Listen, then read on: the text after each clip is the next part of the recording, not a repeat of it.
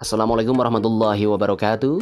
Masih bersama saya Bagus Johan Maulana dalam BJM Podcast.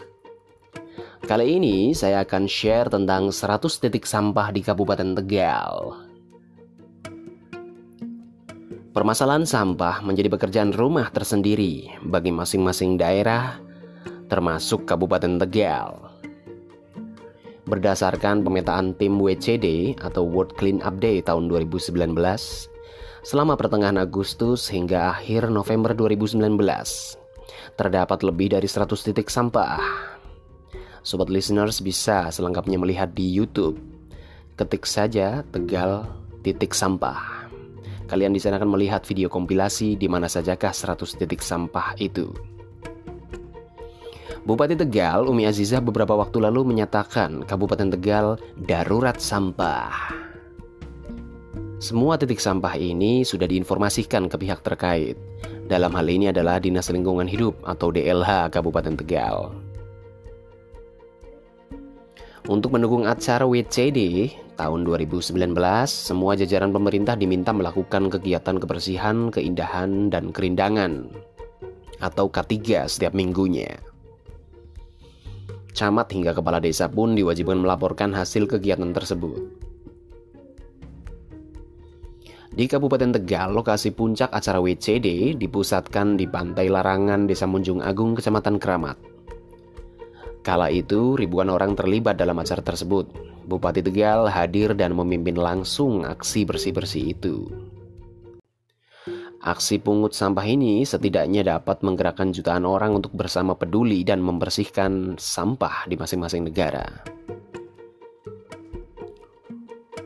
Sampah yang menumpuk dan tak terurus masih menjadi masalah di Kabupaten Tegal. Penyebabnya mulai dari keterbatasan armada pengangkut sampah, kurangnya fasilitas tempat membuang sampah, kurangnya tata kelola sampah sebelum masuk ke TPA atau tempat pemrosesan akhir, hingga persoalan perilaku masyarakat yang kurang peduli akan sampah. Memang, aksi seperti WCD ini hanya mengatasi permasalahan sampah jangka pendek, Jangka menengahnya harus segera diupayakan adanya fasilitas pembuangan sampah, armada angkutan sampah, dan menciptakan tata kelola sampah di desa. Seperti mendirikan bank sampah. Data dari Asopsi atau Asosiasi Bank Sampah Indonesia Kabupaten Tegal, hingga kini baru ada 23 bank sampah di Kabupaten Tegal.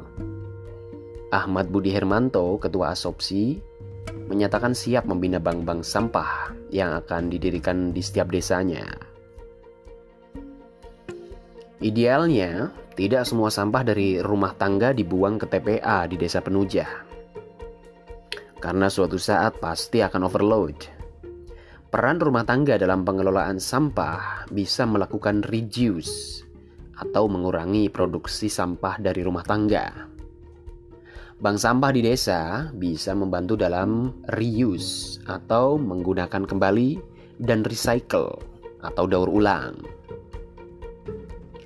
Data Dinas Lingkungan Hidup Kabupaten Tegal menunjukkan pada tahun 2018 dari 1.438.515 jiwa penduduk Kabupaten Tegal menghasilkan sampah sebesar 575 ton per hari. Dari situ yang berhasil ditangani DLH sebanyak 420 ton per hari. Dan yang berhasil dikurangi oleh masyarakat sendiri seperti melalui bank sampah sebesar 104 ton sehari. Artinya, setiap harinya masih ada 51 ton sampah yang tidak tertangani dan tidak terkurangi. Maka dalam satu tahun akan ada 18.615 ton sampah yang menjadi masalah. Itulah yang membludak di TPS yang overload, yang berserakan di mana-mana. Pula yang terpaksa dibakar warga, padahal membakar sampah itu dilarang. Peraturan Daerah Kabupaten Tegal nomor 6 tahun 2017 tentang pengelolaan sampah pasal 48 melarang dengan tegas membakar sampah kecuali dilakukan pada TPS yang sesuai dengan persyaratan teknis pengelolaan sampah atas izin pemerintah daerah. Tidak main-main, tindakan membakar sampah ini diancam pidana kurungan hingga sampai satu tahun atau denda hingga sampai 150 juta rupiah.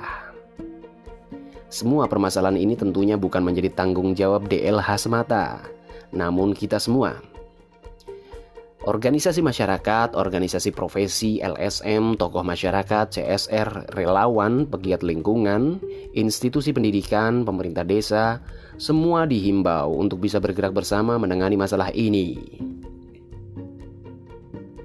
Pemerintah desa bisa menggunakan dana desa untuk pengadaan tempat pembuangan sampah, gerobak, dan kendaraan pengangkut sampah, hingga pengadaan mesin pengolah sampah.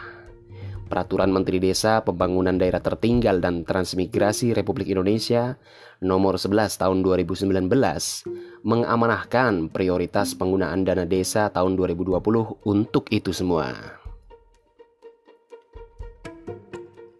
Bupati Tegal juga telah menandatangani Peraturan Bupati Tegal Nomor 39 Tahun 2019 tentang kebijakan dan strategi dalam pengelolaan sampah rumah tangga dan sampah sejenis sampah rumah tangga.